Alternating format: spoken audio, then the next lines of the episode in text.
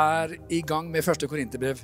Jeg har holdt på med det en stund, og jeg har kost meg altså, når jeg har selv fått sitte og se på og lytte til liksom, det ene budskapet etter det andre gjennom kapittel 1 og 2 og 3 og 4. Og i dag så har vi kommet til kapittel 5.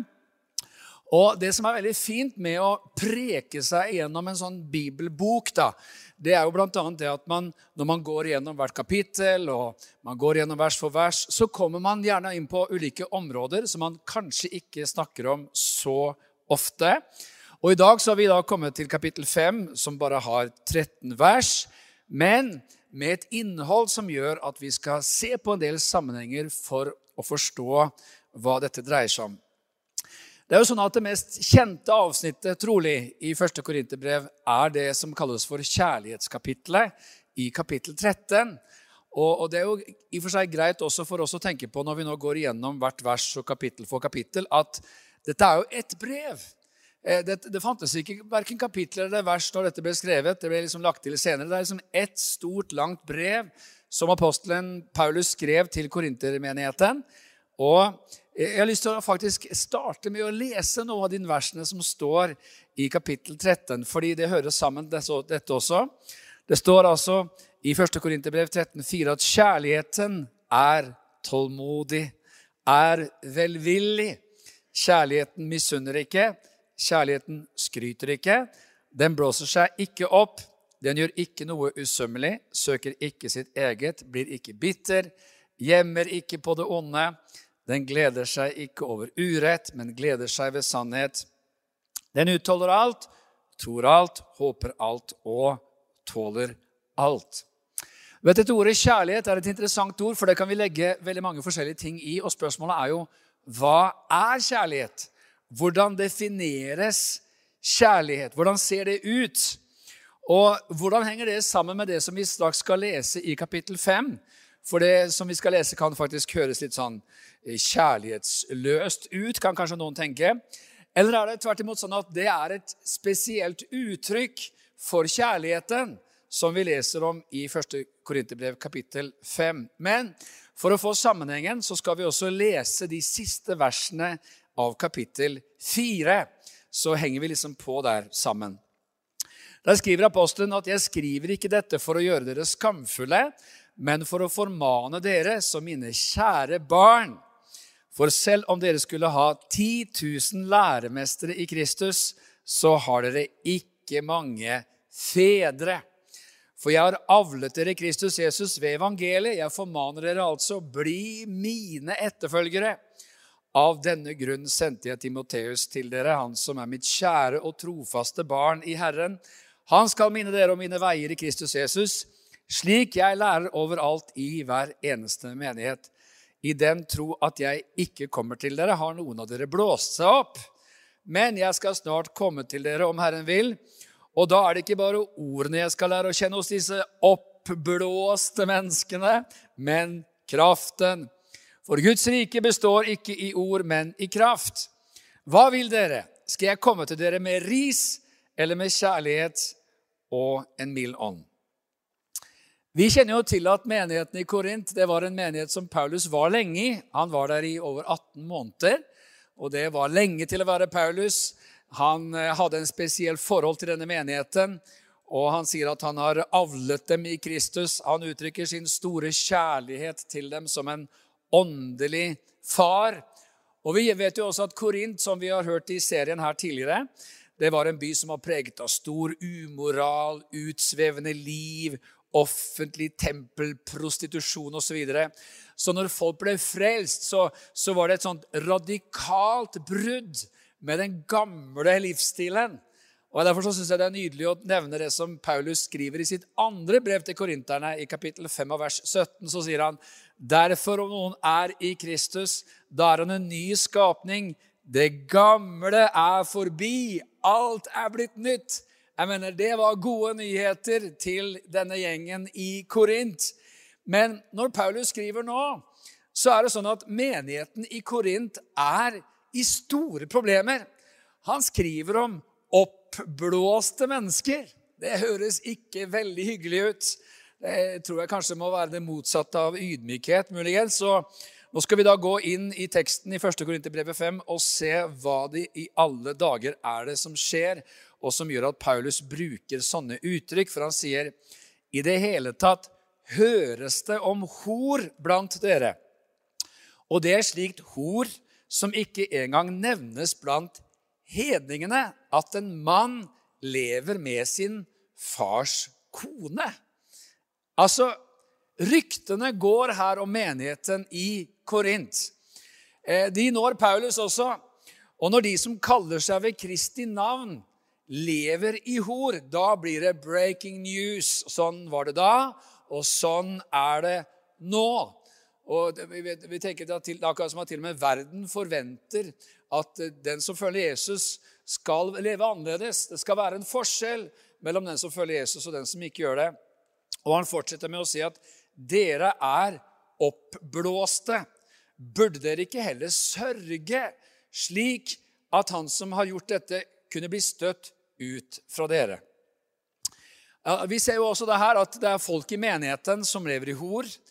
Og når det står om at han som har gjort dette, så skjønner vi også at denne kvinnen som er i dette forholdet, ikke var en troende. Ellers så hadde hun selvfølgelig også blitt adressert. Men han sier også at de er oppblåste. Jeg mener, Korintermenigheten de syns de gjorde det skikkelig bra.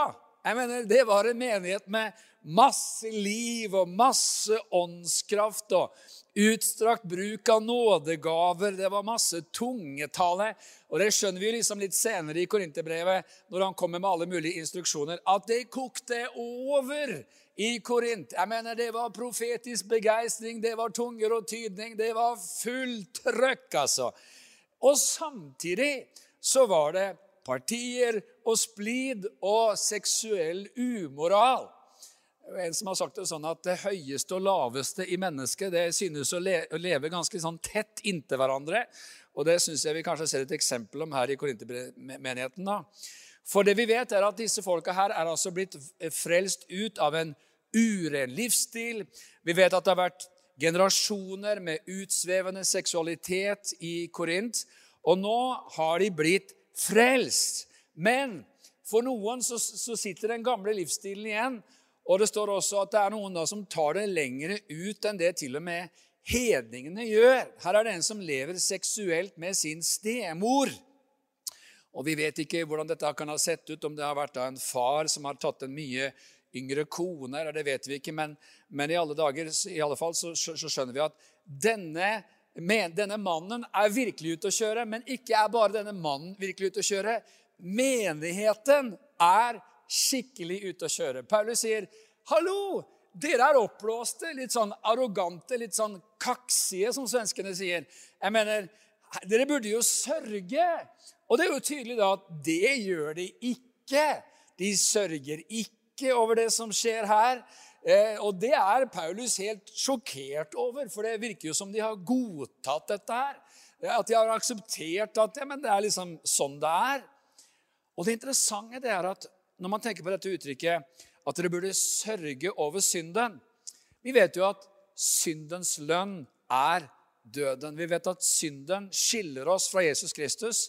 Han som døde for våre synder, han som ville at vi skulle bli forsont med Faderen gjennom at han tok vår synd og straff på seg på korset. Og, og vi, Samtidig så vet vi at når vi synder, når vi faller i synd, så må vi være snare til å vende om. Det er jo det som er naturlig for den troende. Det er at Den hellige ånd som er i oss, den, den gjør at vi trives ikke med å synde. Vi, vi blir overbevist om synd. Og vi vil, vil vende om til Gud og vende om fra våre synder. Men det som da Paulus påpeker her, er jo at denne menigheten har kommet inn i en eller annen slags sånn unnfallenhet. At man har tenkt at ja, jeg vet ikke, man, man, man, har kanskje tenkt på et eller annet tidspunkt at dette kanskje ikke er så greit, men, men jeg mener, menigheten går jo så det suser, den vokser så det knaker, og vi har jo veldig mye nådegaver. og Han sa jo til og med i kapittel 1 at dere mangler jo ikke en eneste nådegave, mens dere mangler på vår Herre Jesu Kristi åpenbarelse. Så, så, så de tenker kanskje at ting går greit, men de lar i alle fall alt skure og gå.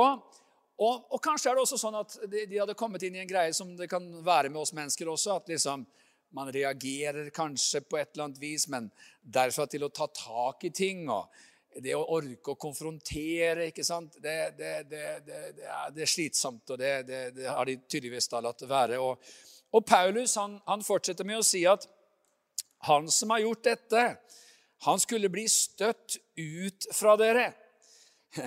Dere burde heller sørge slik at han som har gjort dette, kunne bli støtt ut fra dere. Det er det dere burde gjort. Og hva slags uttrykk er egentlig dette her? At liksom han burde blitt støtt ut. Jeg tenkte litt på det når jeg satt og forberedte meg. Jeg tenkte Kanskje man ville brukt ordet 'ekskludert' eh, på norsk nå i vår tid. Og jeg tenkte jeg får ta google, sånn som vi gjør nå da. Jeg får google 'ekskludert' og se hva som kommer opp. Og Det var litt interessant, for da, da fikk jeg opp med en gang 'ekskludert fra Frp'. Det kan jo kanskje passe bra å liksom nevne det, i og med at det er FrPs landsmøte denne helgen. så det var liksom litt sånn fulltreffer der, følte jeg. Men det som kommer opp da, det er en sak fra desember 2020 der fylkesleder for Oslo Frp blir ekskludert fra partiet. Det besluttet nemlig FrPs sentralstyre. Og Bakgrunnen for konflikten er flere uttalelser, sier Aftenposten, fra fylkeslederen, som blir tolket som mistillit mot partileder Siv Jensen og et ønske om endring av politisk retning i Frp. Og Så fortsetter Aftenposten med å si at ifølge FrPs vedtekter kan medlemmer av et parti, eller av partiet ekskluderes permanent eller for et begrenset tidsrom dersom medlemmet har hør på det her, brutt partiets program, vedtekter, retningslinjer eller handlet på en måte som kan bidra til å skade partiets eller partimedlemmers omdømme. Jeg syns det var et ganske interessant eksempel fra det politiske liv. Det er med andre ord ikke sånn at man på en måte kan tenke eller mene hva som helst og være medlem av et politisk parti. Og Her står det altså rett fram at det du står for, fylkeslederen i Oslo da i dette, denne situasjonen her, er ikke forenlig med det vårt parti står for. Så eh, det er politikken. Spørsmålet er jo da hva med menighet? Hva tenker Bibelen om menighet? Hvilken standard har Gud tenkt at det skal være der? Er det slik at man kan leve som man vil, og samtidig være en del av en menighet? Og Det er klart at det kan jo være en veldig sånn spesiell og fremmed tanke. I Norge så har vi jo dels hatt et statskirkesystem i 500 år, hvor store deler av det norske folket var medlemmer av Den norske kirke. Og kanskje er det sånn også at I frikirkene så har vi kanskje arvet litt av den samme tankegangen at mange på en måte er formelt medlem av en menighet. Man har kirkeskatt og disse tingene uten at man er aktiv i en menighet. Og Det er klart at det hører vel med til de ytterste sjeldenheter at noen skulle bli ekskludert Eh, av en norsk eh, kirke. Det måtte i så fall være i visse sammenhenger at man skulle ha kanskje meninger som ikke var helt politisk korrekte i vår tid. Så i så fall så, så har det kanskje litt motsatt fortegn. Men vi kommer inn på ganske mange interessante ting når vi leser denne teksten. fordi spørsmålet er jo da dette med det kollektive kontra det individuelle. Og det er også spørsmålet om hva en menighet egentlig er for noe. Og nå, nå, skal vi ikke gå inn i et dybdestudium om alt hva Guds ord sier om menighet, for det er veldig mye, men la meg nevne noen ting. Vi vet at, vi vet at menighet kalles for Kristi kropp, som Jesus er hodet for. Vi vet også at menigheten er en bolig for Gud i Den hellige ånd, sier Efeserbrevet 2. Et hellig tempel. Og i 1. Timoteus 3 og vers 15 så sier Paulus.: I fall jeg drøyer, så vil jeg at du skal vite hvordan en bør ferdes i Guds hus, som er den levende Guds menighet, sannhetens støtte og grunnvoll.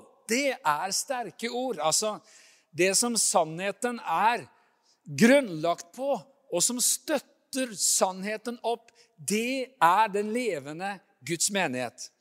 Og Det er interessant å tenke på også det Jesus sier i Matteus 5, 13, at dere er jordens salt. Og hva er det saltet gjør for noe? Jo, det hindrer forråtnelse. Og Jesus fortsetter med å si at men om saltet mister sin kraft, hva skal det da saltes med? Det duger ikke lenger til noe uten til å kastes ut og tråkkes ned av menneskene. Og så hør nå her. Samtidig så vet vi at det vi er som kristne, som frelste, det er vi av Guds nåde. Vi er frelst av nåde, ikke av gjerninger. Vi bevares gjennom Jesu nåde. Vi tjener Gud gjennom Hans nåde. Jeg mener, Guds menighet er et nådens fellesskap. Jeg mener bare Smak litt på dette uttrykket. Et nådens fellesskap. Et fellesskap av mennesker som har blitt frelst ut av synden gjennom Guds nåde. Man lever altså ikke lenger som en synder, men man synder. Og når man synder, så vender man om. Og så ber man om tilgivelse og blir renset og går videre i livet. Så hva er, hva er da Guds ords forordninger i forhold til dette med synd i menigheten? Hva er det første som skjer når vi, når vi synder, når vi, når vi, går imot Guds ord, når vi, når vi gjør ting, sier ting som, som ikke er Gud velbehagelig? Jo, vi kjenner jo at Den hellige ånd som bor i oss, taler til oss og kommer på sitt milde vis og, og, og, og viser oss hva vi har gjort for noe. At vi, må be om tilgivelse. Vi må forsone oss med den vi har sagt noe til, eller den vi har gjort noe mot. Vi, vi blir, blir, eh, vi blir overbevist i hjertene våre at vi trenger å be om tilgivelse, vi trenger å vende om. Og så ser vi at Jesus han gir noen spesielle instruksjoner i Matteus 18. For her står det også om din bror synder mot deg, så gå og tal ham til rette, han og du alene. Hører han på deg, har du vunnet din bror. Legg merke til han og du alene. Med andre ord, det skjer i det private. Dette er det ingen som kjenner til. Men det har skjedd noe. Og jeg tror at det er det neste som skjer. det at den, som sagt, Den hellige ånd taler til deg først. Og hvis du da ikke har begynt å gjøre de forandringer du trenger å gjøre, eller omvendt deg, eller du har gjort noe som berører andre mennesker, og du har ikke gjort noen ting for å rydde opp, så eh, gå og ta dem til rette, han og du alene. Mm -hmm. Så står det videre Hører han ikke, så ta med deg en eller to andre, for at enhver sak skal stå fast ved to eller tre vitners utsagn. Dette skjer jo fortsatt eh, i det private. Altså, Han vil jo ikke høre, denne karen. Han, han vil ikke lytte. Han vil ikke vende om. Jeg får ta med meg en eller to til. Og så står det da videre Men vil han ikke høre på dem, sier Jesus, da si det til menigheten. Hører han heller ikke på menigheten, da skal han være for deg som en hedning og en toller. Og da tenker jeg at Det er sånn at det, eh, det første som skjer, det er at eh, en menighets lederskap vil bli koblet inn hvis det er sånn at at mennesker lever i synd bevisst og ikke vil omvende seg. Og, og, til slutt så blir dette offentlig på et eller annet vis. Og, og man ser altså her at det interessante er at Jesus, han som ble kalt for synderes og tolleres venn, og som var sammen med mennesker som ikke kjente, var langt borte fra Guds rike hele tiden, han, han er samtidig en som sier at han skal være for deg som en hedning og en toller. Som andre ord så, så, så, så er det er det en forskjell der også, en stor forskjell på det å være en del av en kristen menighet og det å ikke være det. Så hva er poenget med å si dette? Jo, det er at Gud arbeider med sin godhet, med sin kjærlighet. Bibelen sier jo at Guds godhet driver oss til omvendelse. Så Guds godhet, Guds nåde, Guds barmhjertighet virker i oss med Den hellige ånd, som gjør at vi får gjentatte muligheter til å komme tilbake til Gud. Gjentatte muligheter til å, å, å, å sørge for at ting kommer på, i rett skikk i livene våre. Eh, og det er fordi at Gud han er jo en god Gud, og han, er en god far. Og vi ser at Paulus beskriver seg selv som en åndelig far i menigheten som, som, vil at det skal gå denne mannen godt, og som vil at det skal gå menigheten godt. Og så ser vi da samtidig at eh, det fins noe som som skjer videre her. Og det er da selvfølgelig at i Korint så har det gått så langt at hele menigheten står i fare. Dette dreier seg ikke lenger bare, og det kommer vi ganske straks inn på, eh, denne mannen. Men, men det er skjedd noe fordi at ting ikke har blitt tatt i tur med, fordi omvendelse ikke har funnet sted, fordi denne mannen ikke har, har, har omvendt seg til Herren, så, så står nå hele menigheten i fare. Og Derfor så kan det velte hele menigheten om det ikke tas i tur med. Det er stort alvor over situasjonen i Korint. Og Paulus han sier videre i 1. Korinterbrev 5,3.: Jeg, som nok er fraværende med legeme, men til stede i ånden. Jeg har allerede, som om jeg var hos dere, felt dommen over ham som har gjort dette. I vår Herre Jesu navn skal dere og min ånd samles i vår Herre Jesu kraft. La oss stoppe der et lite øyeblikk. Jeg syns det er spesielt å lese disse ordene. For det er akkurat også som man ser inn i Guds tanker for sin menighet. Det er liksom ikke en medlemsforening, om du forstår hva jeg mener. Jeg mener, Det er Jesu egen menighet vi snakker om. Det er det fellesskapet som bærer Jesu navn. Og Derfor så står det at vi skal samles i Herren Jesu kraft. Jeg mener, Der hvor to eller tre er samlet i Hans navn, så er Han midt iblant oss. Åndens kraft og åndens nærvær er reelt. Jesus er til stede i sin menighet. Jesus er til stede når hans menighet samles. Og Derfor så har også Gud gitt sin menighet en sånn fantastisk rikdom på kraft, på åpenbaring, på åndelig autoritet. Han har gitt oss alt som tjener til liv og gudsfrykt. Han har fylt oss med seg selv. Og Derfor så står det videre at for at han som har syndet, skal overgis til Satan, til kjødets ødeleggelse, for at hans ånd kan bli frelst på den Herre Jesu dag. Hva er dette? Hva betyr nå dette? Jo, jeg tror at blant annet så betyr det at denne mannen ville bli støtt ut av menigheten. Og utenfor menigheten så er han ikke lenger i Guds rike men han er i mørkets rike, det riket som han kom fra. Han er under den ondes, djevelens, domene. Denne personen skulle få smake på livet utenfor Guds beskyttelse.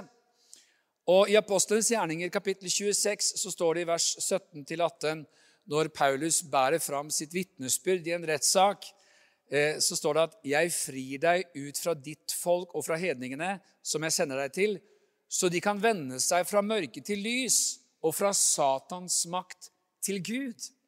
Det skjer når vi kommer til tro. Det er liksom ikke bare at man allment aksepterer noen, noen gode kristne liksom livsregler. Vi liksom har å gjøre med noe helt annet enn, enn noen flotte prinsipper for, for et, et, godt liv med Gud. Nei, vi snakker om å gå over i et annet rike og komme inn i det som kalles for Hans elskede sønns rike, og gå fra Satans makt til Gud. Og Det er klart at det, det som er Paulus' anliggende her, det er to ting. Det ene er, som vi straks skal se, at menigheten skal bevares.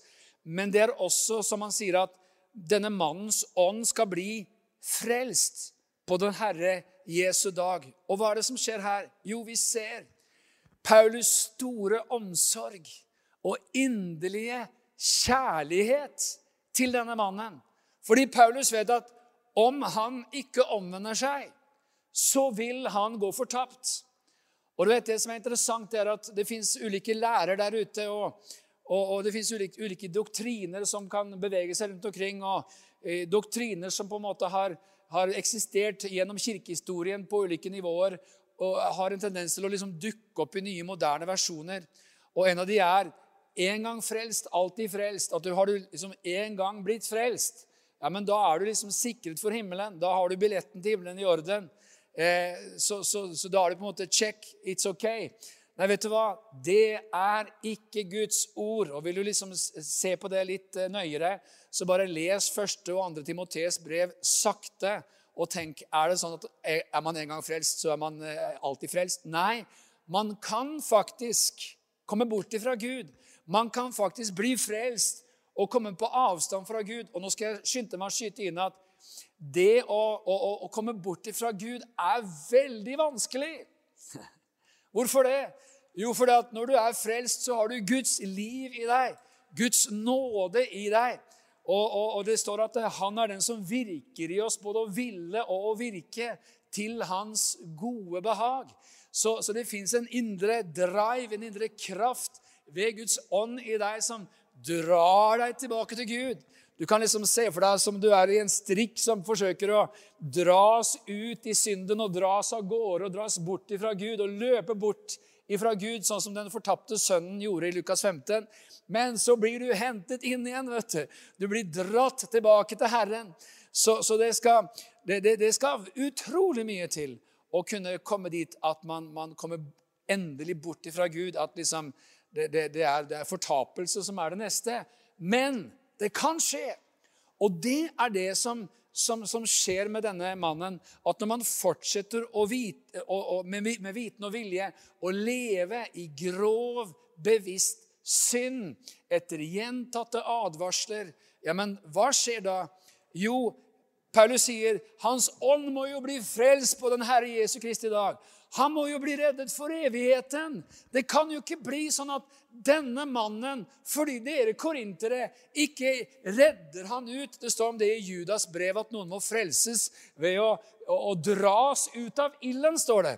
Og det, det, er det de ikke gjør. Er liksom, ja, men La humla suse. Det, det, dette er jo en fin broder. og Visst så eh, det, det, kan jo være at han liksom ikke lever sånn helt som han skulle her nå. Men, eh, men det de ikke vet, er at han er i ferd med å gå under. Og det er menigheten. Det skjer ved menigheten også om det ikke er sånn at denne mannen omvender seg, og menigheten ordner opp i dette. Og Paulus tar tak med dem. Dette gjelder hans evige frelse. Han må ikke gå fortapt, men det vil han gjøre hvis han ikke omvender seg. Og jeg synes Det er så gripende å se den nøden som Paulus har for dette mennesket. Kjære Gud i himmelen, fyll oss med nød for mennesker. Fyll oss med nød for menneskers evige frelse. Fyll oss med nød for hva som skjer med mennesker som ikke har sin sak i orden med Gud. Og I Esekiel 33 så ser vi inn i Guds hjerte. Jeg har bare lyst til å skyte det inn innimellom her i vers 11. Si til dem, så sant jeg lever, sier Herren, Herren, jeg har ikke behag i den ugudeliges død, men i at den ugudelige vender om fra sin ferd og lever. Vend om, vend om fra deres onde veier. Hvorfor vil dere dø, Israels hus? Kan vi se den store kjærligheten i kapittel 5? Jo, vi ser det her i Paulus store nød for denne mannens frelse. Fins det andre eksempler i Skriften på at dette skjer? Jo, vi, vi ser faktisk det. En annen anledning hvor vi ser at menigheten også står i fare. Eh, jeg siterer fra 1. Timoteus kapittel 1 og vers 19, så står det om tro og god samvittighet som noen har kastet fra seg, og har lidd skibbrudd på troen. Der har du det igjen. De har vært troende. De har vært frelst, men nå har de lidd skibbrudd på troen. Blant dem er Hymeneus og Aleksander. Dem har jeg overgitt til Satan, sier Paulus, for at de kan bli tuktet så de lar være å spotte. Vi leser om Hymeneus igjen i 2. Timoteus 2,17. Deres ord vil ete om seg som villkjøtt. Blant dem er Hymeneus og Filetus. De har fart vill fra sannheten og sier at oppstandelsen allerede har funnet sted, hos noen river de ned troen. 2. Timoteus 4,14 så ser vi denne Alexander igjen. Kobbersmeden Alexander har gjort meg mye ondt. Herren skal gjengjelde ham etter hans gjerninger. Ta deg i vare for ham, du også, for han gikk sterkt imot våre ord. Her ser man også at det er mennesker som river ned troen til folk, og som også har gått inn for å ødelegge Guds menighet. Og Det spesielle her er jo at disse tidligere har vært en del av menigheten. Og Nå kommer denne forklaringen på det som jeg vil si da med hva som kan skje med hele menigheten. fordi det står i vers 6 i 1. Korinterbrev 5, når vi går tilbake til kapittelet her. Det passer dårlig at dere roser dere. Og Det er jo et utrolig vers, egentlig. liksom. Her går korintermenigheten og jeg, mener, jeg kan liksom se for meg at de har en sånn Fastest growing, increasing, most popular church. Ikke sant? Det er liksom deres slogan som de har. altså. De virkelig roser seg av The Church of Power for this hour. Dere roser dere. Hallo! Vet dere ikke at en liten surdeig syrer hele deigen? Menigheten er fullstendig på villspor, sier Paulus. For når noen i menigheten lever i seksuell umoral, så blir det som en surdeig som syrer, gjennomsyrer hele deigen. For dere er jo lemmer på den samme kroppen. Derfor så står det i vers 7.: Rens derfor ut den gamle surdeigen, så dere kan være ny deig, siden dere jo er usyret, for vårt påskelam er slaktet Kristus. Du vet, Den dag i dag så er det jo sånn at innenfor påskefeiringen, den jødiske påskefeiringen, så kan man ikke ha noe surdeig i sitt hus. Og det, det, visste du kanskje ikke, men det er det som ligger til, uttrykk, til, til grunn for dette uttrykket vårrengjøring. Det, det, det, stammer herfra, for påsken er jo alltid på våren. Og da måtte man liksom, I jødisk tradisjon så måtte man da saumfære hver krik og krok i huset for å finne den minste smule som, som måtte være borte før påsken kunne feires. Og, og hva, hva, er poenget her? Jo, det er at Paulus sier Hør nå her. Nå må det renselse til, Korint. Nå trenger dere virkelig å gå i dere selv her. Nå må dere sørge for at eh, dere får renset ut denne gamle surdeigen. Hvis ikke surdeigen blir renset ut, så vil hele deigen bli gjennomsyrt av denne livsstilen. Og da fins det ikke lenger noe menighet. Da er det game over, church. Ikke sant? Vi skjønner at Paulus han bare lengter etter å se at denne menigheten får bli og være alt det som Gud vil at den skal være. For konsekvensene av synden er at vi mister fellesskapet med Gud og med hverandre. Hvis dette var greit, så ville enda flere tas ut. En liten sånn kanskje ekstra tanke her, bare sånn innimellom, som jeg syns er interessant når man også tenker på at det er ett brev, ett eneste langt brev så vet vi at han snakker om eh, Han snakker om dette med vårt påskelam som er slaktet, Kristus. La oss holde høytid, ikke med gammel surdeig, sier vers 8, men ikke med ondskapens og lastens surdeig, men med renhets- og sannhets usyrede brød. Nå kommer en parentes i parentesen. Det begynner å bli farlig å være predikant. Men tenk deg at David kalles for mannen etter Guds hjerte. da. Er ikke det oppløftende? Jeg mener, han som falt i hor med Batseba og forførte henne, og som fikk ektemannen hennes drept, Det er jo helt utrolig. Men han omvendte seg til Gud og kastet seg på Herren. Og han kalles for mannen etter Guds hjerte. Så vi vet at Guds barmhjertighet mot synd er stor. Jeg tenker på en, en artikkel som, som, var i Aftenposten. A-magasinet var det for noen år siden. Jeg har tatt vare på det. Jeg har det hjemme. Hvor, for, hvor, hvor, hvor overskriften er på forsiden Jesus kom for å tilgi oss for våre synder. Men det er jo ingenting som er synd lenger. Det var ganske interessant. Det var som om steinene ropte litt. Ok, nå tar vi denne parentesen. Jeg skjønner at du har venta skikkelig på den nå. Den kommer nå. Fordi han kom jo seinere i brevet inn på dette med nattverden, hvor påskelam er slaktet, Kristus. Og tenk på det som står i kapittel 10, vers 16. Brødet som vi bryter, er det ikke samfunn med Kristi kropp? I kapittel 10, vers 21. Dere kan ikke ha del i Herrens bord og onde ånders bord.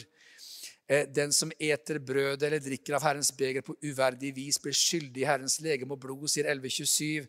La hvert menneske prøve seg selv, sier 1128. Dersom vi dømte oss selv, ble vi ikke dømt, sier kapittel 11, vers 31. Altså Man ser noe av dette med identifikasjonen med Jesus Kristus. Man kan altså ikke da ta del i nattverden, fellesskapet, samfunnet med Kristi kropp og Jesu blod, samtidig som man lever i opprør mot Kristus. Han som er vårt påskelam som ble slaktet, i opprør mot ordet, og han som er menighetens herre. Det er godt å finne sånn vennelse. Og i vers 9 så står det videre Jeg skrev i brevet til dere at dere ikke skulle ha samkvem eller fellesskap med horkarer. Det kan jo være et brev som vi ikke lenger har, det, og det kan se ut som om korinterne har misforstått det Paulus da har skrevet, fordi han skrev om forhold som gjaldt menigheten. Men de må ha trodd at han snakket om mennesker generelt. Det gjorde han altså da på ingen måte. Eh, vi vet jo at eh, skal man være lys og salt, så vil man jo måtte være der hvor mørket er. Det er viktig å få med seg. Og han sier det også i vers 10.: Jeg mente ikke mennesker i denne verden som driver hor, eller som er pengegriske, røvere eller avgudsdyrkere. Da måtte dere jo gå ut av verden. Vers 11.: Men det jeg skrev til dere, var at dere ikke skulle ha samkvem med noen som kaller seg en bror, men er en horkar eller pengegrisk eller avgudsdyrker eller baktaler eller dranker eller røver. Et slikt menneske skal dere ikke engang spise sammen med. Så man sier at Paulus på ulike måter og fra ulike vinkler sier Hør nå her. Man kan liksom ikke kalle seg for en bror, kalle seg for en kristen, og samtidig leve i hor, leve i seksuell umoral eller leve seksuelt aktivt utenfor ekteskap. Det går ikke. Det er uakseptabelt. Det er synd. Det er ondskap. Hva er det vi ber i Fader vår? Fri oss fra det onde. Or deliver us from the evil one, sier man på engelsk i, i, i, i eh, Fader vår. Fri oss fra den onde. Du vet, Ondskapen fins der. Og synden skal man altså da ikke ta lett på. Men det interessante her er jo også at den som kalles for en pengegrisk eller en avgudsdyrker eller en baktaler, en dranker eller en røver, tas litt sånn, litt sånn inn i samme åndedrag her. Og Det er jo interessant at vi gjerne kan kategorisere visse synder som, som vi kanskje tolererer litt mer, mens andre synder er litt verre å akseptere. Det er litt sånn litt forskjellig. Eh, jeg synes det, litt, det, kan jo være greit å grunne litt på det også, at baktalelse nevnes i liksom samme avsnitt som å drive hor. Men det, de fleste kristne ville jo vært sjokkert over en, en pastor som hadde drevet, liksom, Har du hørt at pastor sånn og sånn har drevet hor? Eh, det, det, ville jo vært Oi, oi, oi. Det ville vært eh, skandale. Men det hadde vel kanskje ikke blitt så store overskrifter over Har dere hørt at pastor og broder sånn og sånn har baktalt? liksom? Oi, oi, oi, kristenheten er nå i sjokk sant? fordi at pastor har baktalt. Ja, så, så, her er det jo litt av hvert å liksom grunne på for oss alle at vi kan lett bli selektive. Og så dømmer vi andre etter deres gjerninger, og så dømmer vi oss selv etter våre intensjoner. Og så kan man da ende opp med at vi blir farisere. fariseere. Eh, og det, det, skal vi da ikke bli. Det står i vers 12.: Hva har vel jeg med å dømme dem som er utenfor? Er det ikke dem som er innenfor, dere dømmer? Eh, og her er det også viktig å si at det er da menigheten det er, det er snakk om her. Det er menigheten som har ansvar. Eh, det, det, er liksom ikke medier som har dette ansvaret, det er menigheten som har ansvaret her. Og så står det videre og det, det, er klart at Her har Guds menighet ofte gjort feil. Man har gjerne vært snare med å fordømme en syndig livsstil i, i, verden generelt, men ikke ordnet opp i, i egne rekker. Da får man eh, dobbelt moral. og Man kan jo også tenke på alle moralske skandalene som har vært i Kristi kropp. Eh, gjennom, gjennom, eh, bare de ti årene som jeg har, har, levd og holdt på, eh, så skjønner man at det er viktig at menigheten faktisk tar tak og faktisk eh, rydder opp og ordner opp eh, i, i det som har med dette å gjøre. Vers 13 så står det men dem som er utenfor, skal Gud dømme. Støt da den onde ut fra dere. Nå er jeg egentlig i mål med mine 13 vers, men jeg skal faktisk bare eh, dra på bitte, bitte litt til, fordi jeg, liksom, jeg stjeler her nå eh, et par vers av neste ukes predikant. Eller i hvert fall låner, får man jo si da. For der står det nemlig Våger noen av dere når han har sak mot sin neste, å få saken pådømt av de urettferdige og ikke av de hellige? Eller vet dere ikke selv at de hellige skal dømme verden? Og hvis nå verden skal dømmes av dere, er dere da uverdige til å dømme de minste saker? Vet dere ikke at vi skal dømme engler? Hvor mye mer da i saker som angår dette livet? Altså Her ser vi jo videre at Paulus har fått åpenbaring om ting vi vet lite om. Nemlig at menigheten er på en eller annen måte delaktig i den framtidige dommen. Og det er interessant fordi Eh, dem som er utenfor, skal Gud dømme, står det her. Og Samtidig så står det at i framtiden, i den kommende tidsalder, så skal de hellige være med på å dømme verden. Ja, til og med engler. Det kan jo gå nesten litt sånn rundt for en her man står og tenker, men eh, her er det mye vi ikke skjønner. Men det vi i hvert fall forstår, det er at Gud forventer at hans menighet, sannhetens støtte og grunnvoll, er hans ambassade på jorden. Derfor så ber vi, la ditt rike komme, la din vilje skje som i himmelen, så også på jorden. Og Jesus han sa i Matteus 16, jeg sier at du er Peter, vers 18, og på denne klippen vil jeg bygge min menighet, og dødsrikets porter skal ikke få makt over den. Jeg vil gi deg nøklene til himlenes rike. Og det du binder på jorden, skal være bundet i himmelen. Og det du løser på jorden, skal være løst i himmelen. Jeg mener, Guds menighet står i kamp mot dødsrikets porter, som ikke skal vinne over den. Guds menighet er en seirende og overvinnende menighet. Men om vi da skal avslutte denne undervisningen fra 1. Korinterbrev 5, så må vi ta med den veldig gode nyheten til slutt. Det går bra med denne bror. Det er godt, altså. Herlig. For i neste brev, 2. Korinterbrev 2, så åpenbares det at denne broder har kommet tilbake til Herren. Halleluja. 2. Korinterbrev 2 og vers 1. Det, det liksom er utenfor serien, men det drar jeg liksom nå inn her, da. Jeg hadde satt meg for at jeg ikke enda en gang ville komme til dere med sorg. For dersom jeg bedrøver dere, hvem kan da gjøre meg glad uten den jeg volder sorg? så skrev jeg dette til dere for at jeg ikke når jeg kom, skulle få sorg av dem som jeg burde ha glede av.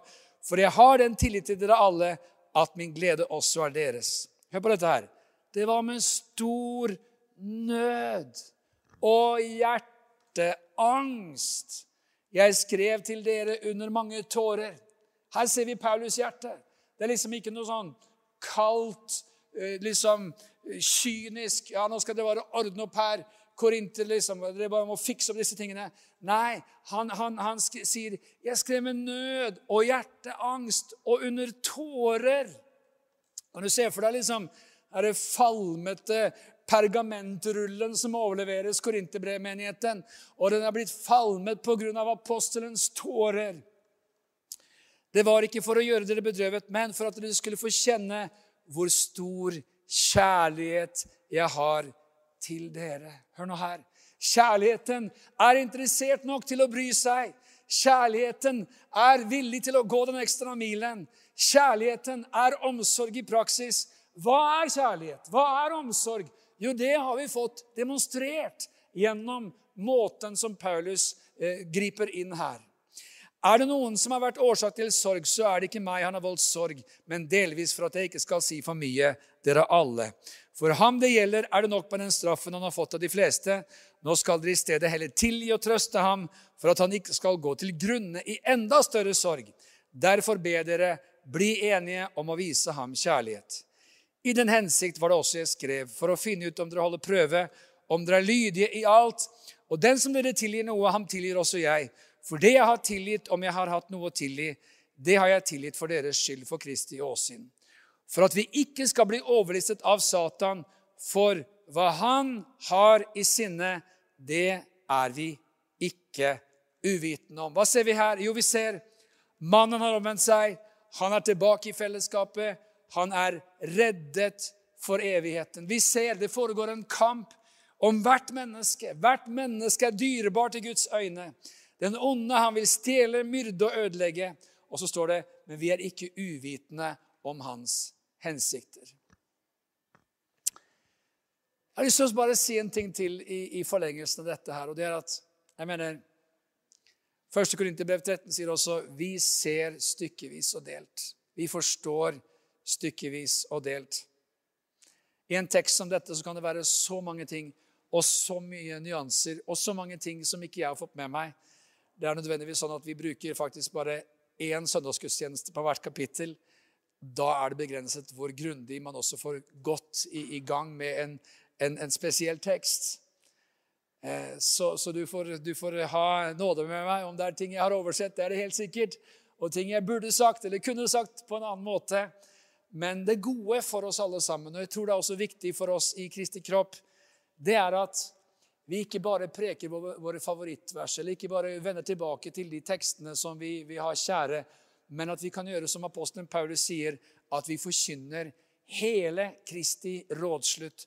Og det er det gode med å gjøre som vi gjør i dag. Å få se Guds kjærlighet, omsorg og kraft, autoritet og styrke i hans menighet. Vi priser og vi takker og ærer deg, Herre, for at vi får lov til å leve med deg. Herre, vi takker deg for ditt ord som sier i 1. Johannes 1,6 at dersom vi sier at vi har samfunn med ham, men vandrer i mørket, da lyver vi og gjør ikke sannheten.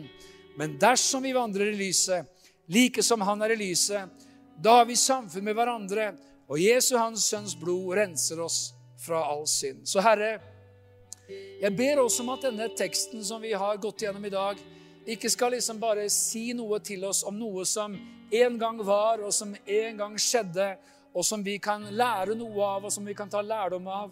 Men jeg ber om at den også skal ta, tale inn i våre liv. For det står at dersom vi sier at vi har samfunn med ham, men vandrer i mørket, da lyver vi og gjør ikke sannheten. Men vandrer vi i lyset, like som du er i lyset, da har vi samfunn med hverandre. Og Jesu, ditt sønns blod, renser oss fra all synd. Så Herre, vi takker og priser deg for at du renser oss fra all synd. Vi takker og priser deg for kraften som er i ditt blod. Og Herre, akkurat nå så takker jeg deg også for den som eventuelt ser på denne sendingen, og som ikke kjenner deg, og som ikke eh, har fred med deg i sitt hjerte, og som ikke har overgitt sitt liv til Jesus Kristus. Vi vet at du er alle menneskers frelser. Du ga ditt liv for hele menneskeheten. Men vi må selv ta imot deg, Jesus, som vår frelser og Herre. Og det kan du gjøre der hvor du sitter akkurat nå. Du kan åpne opp ditt hjerte om du tror på Jesus Kristus, at han er Guds sønn, at han døde for dine synder, og at han oppstår fra de døde. Så kan du åpne opp ditt hjerte, og du kan si med din munn, 'Jesus, jeg tror på deg. Jeg tar imot deg som min frelser og Herre. Tilgi meg mine synder, og rens meg i ditt blod.